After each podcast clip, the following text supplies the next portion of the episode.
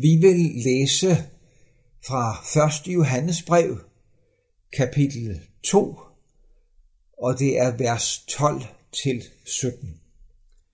Og der står således, Jeg skriver til jer, børn, jeres sønder er tilgivet jer for hans navns skyld. Jeg skriver til jer fædre, I kender ham, som har været fra begyndelsen. Jeg skriver til jer, I unge, I har overvundet den onde. Jeg har skrevet til jer, børn, I kender faderen. Jeg har skrevet til jer fædre, I kender ham, som har været fra begyndelsen. Jeg har skrevet til jer, I unge, I er stærke, Guds ord bliver i jer, og I har overvundet den onde. Elsk ikke verden, og heller ikke det, som er i verden. Hvis nogen elsker verden, er faderens kærlighed ikke i ham. For alt det, som er i verden, kødets lyst og øjnenes lyst og pral med jordisk gods, er ikke af faderen, men af verden. Og verden og dens begær går til grunde, men den, der gør Guds vilje, bliver til evig tid. De kristne, som apostlen Johannes her skriver til, var i en herlig position. For som vi læste det, så er deres sønder tilgivet. Det var det første, han nævnte. Jeres sønder er tilgivet. Og tænk, hvad det betyder, hvad det indebærer, at en sønder er tilgivet. Hvilken frihed det er.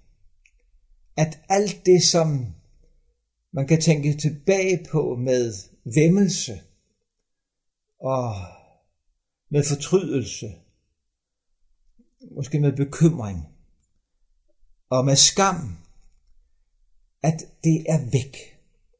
Tænk at have det sådan. Der er man salig, siger Guds ord. Ja, det står jo direkte i salme 32 i Gamle Testamente. Salig den, hvis overtrædelse er forladt, hvis synd er skjult. Johannes nævner, at deres sønner er tilgivet for hans navns skyld. Og det, der ligger i det, er jo, at det er for Jesus skyld. Jesu persons skyld. Det er på grund af hans soningsgærning på korset, at de er blevet tilgivet. Det er for hans navns skyld. Det er takket være Jesus, at han har betalt for synden, at de kunne have tilgivelse for synd.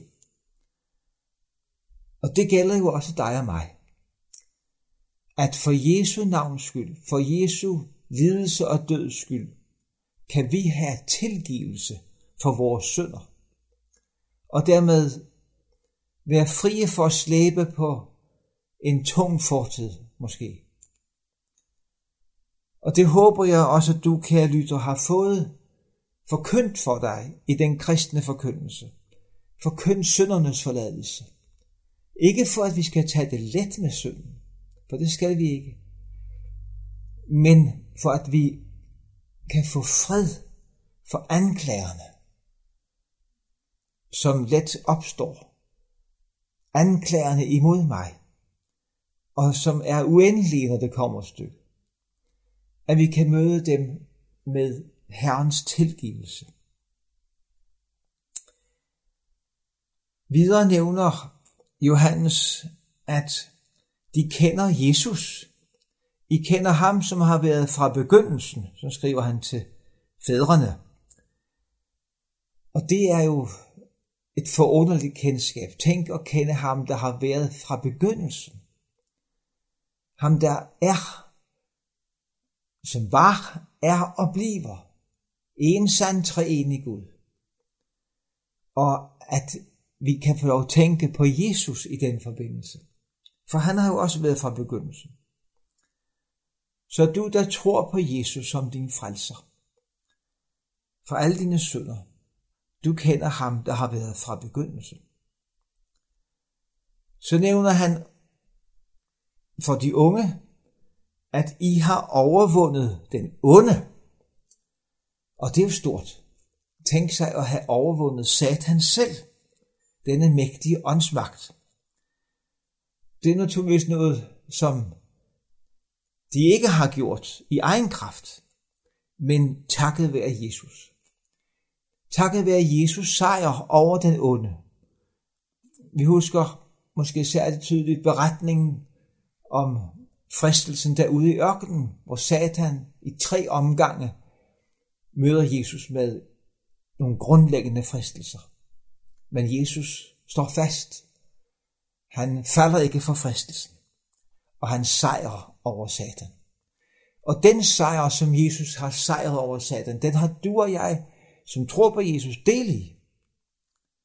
Så derfor gælder det også for dig, der tror på Jesus. Du har sejret over Satan. Og det skal du takke Gud for. Han nævner så, hvordan fædrene kender faderen. Ja, det kommer så anden gang. Og øh, det er jo noget forunderligt noget, det med forholdet mellem fader, søn og helligånden. For som Jesus sagde ved en lejlighed, den der har set mig, har set faderen. Og den der tager imod mine ord, tager imod faderens ord. Og den der tror mig, tror faderen. Jeg og faderen er ét. Så derfor gælder det også om dig, der tror på Jesus. Du kender faderen. Og du kender også Helligånden. Du har Helligånden. Helligånden bor ved troen i dit hjerte, når du kender Jesus som din frelser. For evangeliet om Jesus og Helligånden hører sammen. Så nævner han til sidst om de unge, at de er stærke. Jeg skriver til jer, I unge, I er stærke. Guds ord bliver i jer. Og så kommer det igen, og I har overvundet den onde. Det må man jo konstatere, at unge mennesker generelt er stærke. De har mange kræfter, de kan bære store byrder, hvorimod vi ældre, vi har ikke de samme kræfter mere. Og derfor må vi sige, at de unge, de er stærke. Men her gælder det naturligvis i en speciel forbindelse, nemlig at de har sejret over den onde. Og det har de ud fra en bevæggrund. Guds ord bliver i dem. Det skriver apostlen Johannes. Og det er hemmeligheden, når det gælder at sejre over den onde og stå i fristelsens stund, at Guds ord bliver i os. Det er vejen frem for os. Men ikke sandt, hvilken herlig position disse kristne var i. Og øh, vi kunne måske fristes til at tænke, at øh, for sådanne kristne består der dog ingen fare. Vi kunne fristes til at prise dem lykkelige, der er ingen fare. Men sådan hænger det altså ikke sammen alligevel. Netop til disse kristne, som alt dette rige er sandt om, netop til dem har Johannes en vigtig advarsel. Og den læste vi om i vers 15. Og den lød sådan, elsk ikke verden, og heller ikke det, som er i verden. Hvad betyder det? Betyder det, at vi ikke har lov at glæde os over de fine blomster og fuglenes dejlige kvider og det blå hav og det forunderlige scenarie ved en solopgang eller en solnedgang. Har vi ikke lov til at glæde os over det? Jo, det har vi i allerhøjeste grad. Den skabte verden, som den fremtræder fra skaberens hånd, har vi lov til at glæde os over. Og takke Gud for. Men det er heller ikke det, Johannes skriver her. Han tænker med ordet verden på noget meget specielt, nemlig den gudsfjendske menneskehed. Den menneskehed, som Jesus ved en anledning siger, har djævlen til far, fordi de lever i synden, og lever i afvisningen af Guds kald og Guds frelse. Det er det, der er verden i denne sammenhæng. Verden er den menneskehed, der ikke vil have med Gud at gøre, eller det liv, der vil leves uden Guds indblanding. Det er verden. Alt det, der strider imod Guds vilje. Det, som også tidligere her i Johannes' brev kaldes for mørket. Eller som han skriver videre i vers 16, kødets lyst og øjnenes lyst og pral med jordisk gods. Og her forstår vi det bedre. Kødet, det er netop den medfødte, syndige menneskenatur, som dybest set hader Gud, er fjendsk imod Gud. Vi er alle født med det, dette forfærdelige, med denne syndighed. Og det skal vi naturligvis ikke elske. Hele den verden af synd skal vi ikke elske. Eller øjnenes lyst, når de retter sig imod det, man ikke har. Dette begær, egoistiske begær, som vi let ligger under for. Og pral med jordisk gods. Det skal vi heller ikke elske. Vi skal ikke elske pral med jordisk gods. Med det vi ejer. Og her skal vi også tænke efter, at vi ikke lever i synd her. At vi går rundt og på en eller anden måde praler med vores jordiske gods. Med en flot, et flot hus, eller, eller en flot bil, eller et flot sommerhus, eller hvad det måtte være. En flot titel, man har. Vi skal ikke elske den slags. Det er ikke fordi Johannes her i sit brev lægger op til askese, hvor vi fornægter øh, ting og sager og ikke vil spise os mætte osv. Det er det ikke. Tværtimod taler han senere i kapitel 3, vers 17, om dem, der har jordisk gods, og siger, at deres bror lider nød, der må de hjælpe ham. Så han forudsætter, at kristne også kan have jordisk gods. Men samtidig må vi alligevel minde hinanden om, at sådanne Guds velsignelser som jordisk gods hurtigt kan blive til forbandelser for os.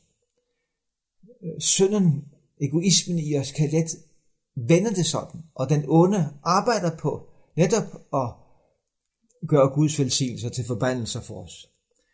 Så det vi ejer får en for stor plads hos os, så vi ender med at leve for den slags. Og her er der et vers i 5. Mosebog, kapitel 28, som jeg synes er meget aktuelt, og som jeg vil tage frem. Det er vers 47 i 5. Mosebog 28, hvor der står, det er Moses, der siger det om Israels folket, som et, et, et slags fremtidsscenarie, som en risiko, når de kommer ind i Kanans land og kan spise sig mætte og har, har medgang og oplever alt godt i livet. Så siger han, du undlod at tjene Herren din Gud med glæde og af hjertens lyst, fordi du havde rigeligt af alt. Og her tænker jeg på, at vi jo hører til den del af menneskeheden, der igen mange år har haft rigeligt af alt her i Danmark. Vi har været velsignet med en materiel rigdom, som er helt enorm. Vi har levet i overflod. Det er ikke noget problem for os at købe øh, mad i rigelige mængder, og købe tøj også i rigelige mængder. Øh, få en dejlig bolig med dejlige møbler, fint udstyr måske, og og kan også være en dejlig bil. Der er så mange ting. Men så kan det gå os sådan, som Moses altså advarer imod. At fordi vi har det her, så kommer det til at fylde vores hjerte. Så det med at tjene Herren med glæde, det forsvinder. Det bliver surt at tjene Herren, fordi det kommer på tværs af vores vellevende. Vi vil gerne nyde livet, og der kommer det at tjene Herren ligesom på tværs. Og der er vi altså ude i ulykken. Hvis vi har det sådan, at vi undlader at tjene Herren af hjertens lyst og glæde, fordi vi har rigeligt af alt. Det er jo faktisk en stor ulykke. Ja, det er en forbandelse. Må Gud bevare os fra det. Det er jo den form for liv, vi møder meget i reklamerne og ellers i tv-serier af forskellige art. I massemedierne det hele taget. Fordi den, der styrer med disse ting, har jo ikke selv andet at leve for, fordi de fleste af dem ikke er kristne. Så de arbejder jo på at sprede det, som de selv har som livsindhold. Og det er denne verdens ting. Og derfor er det farligt, om vi åbner vores stue for den slags, for meget af den slags, og dermed også åbne vores sind for det. For vi skal lytte til apostlens ord her, hans klare formaning og opfordring. Elsk ikke verden. Elsk ikke kødets lyst, lyst og øjnens lyst. Elsk ikke det liv, som leves uden Gud. Elsk ikke den materialisme, der har nok i ting og sager. Nej, for som han fortsætter, alt den slags er ikke af faderen. Elsker vi verden sådan, så er faderens kærlighed ikke i os. Det er alvoren ved det. Er faderens kærlighed ikke i os, så er det jo også sådan, at vi ikke har kærlighed til faderen. At vi ikke elsker faderen. Der er altså noget dobbelt her. Og det betyder jo, at vi slet ikke hører Herren til. At vi med andre ord er fortabte. Så alvorligt er det at elske den gudsfjendske verden. Med dens materialisme, med dens griskhed, med dens begær. Her er der ikke mulighed for at slutte fred. Her kan vi ikke indgå forbrødring. Her må vi klart sige nej. Hvorfor ligger det Johannes så stærkt på sinde, at vi kristne ikke skal elske verden? Jo, det har sin grund, som man også kommer ind på. Nemlig, at verden og dens begær går til grunde. Verden, livet uden Gud, den gudsfjendske verdens eksistens, med al dens begær, går til grunde. Denne verden, den gudsfjendske verden, er på vej mod dommen, og den vil gå til grunde. Vel, det gælder jo også skaberværket som sådan, fordi det er inficeret af synden i form af forkrænkelighed, sygdom og død. Så holder du på den hest, der hedder livet uden Gud i verden. Så hold du på noget, der en dag skal vise sig at være uden varig værdi. Noget uholdbart. Noget, der er under Guds forbandelse. En dag er det slut med voldsfilm i tv. Og jeg må spørge dig, hvad synes du om det? Glæder du dig over det? Glæder du dig til den dag, hvor disse mange serier og optagelser med banden og svoglen og hån mod Gud, at det er slut med det. Glæder du dig til, Jesus kommer igen og sætter skik på tingene? Og der må jeg sige, det skulle vi gerne gøre.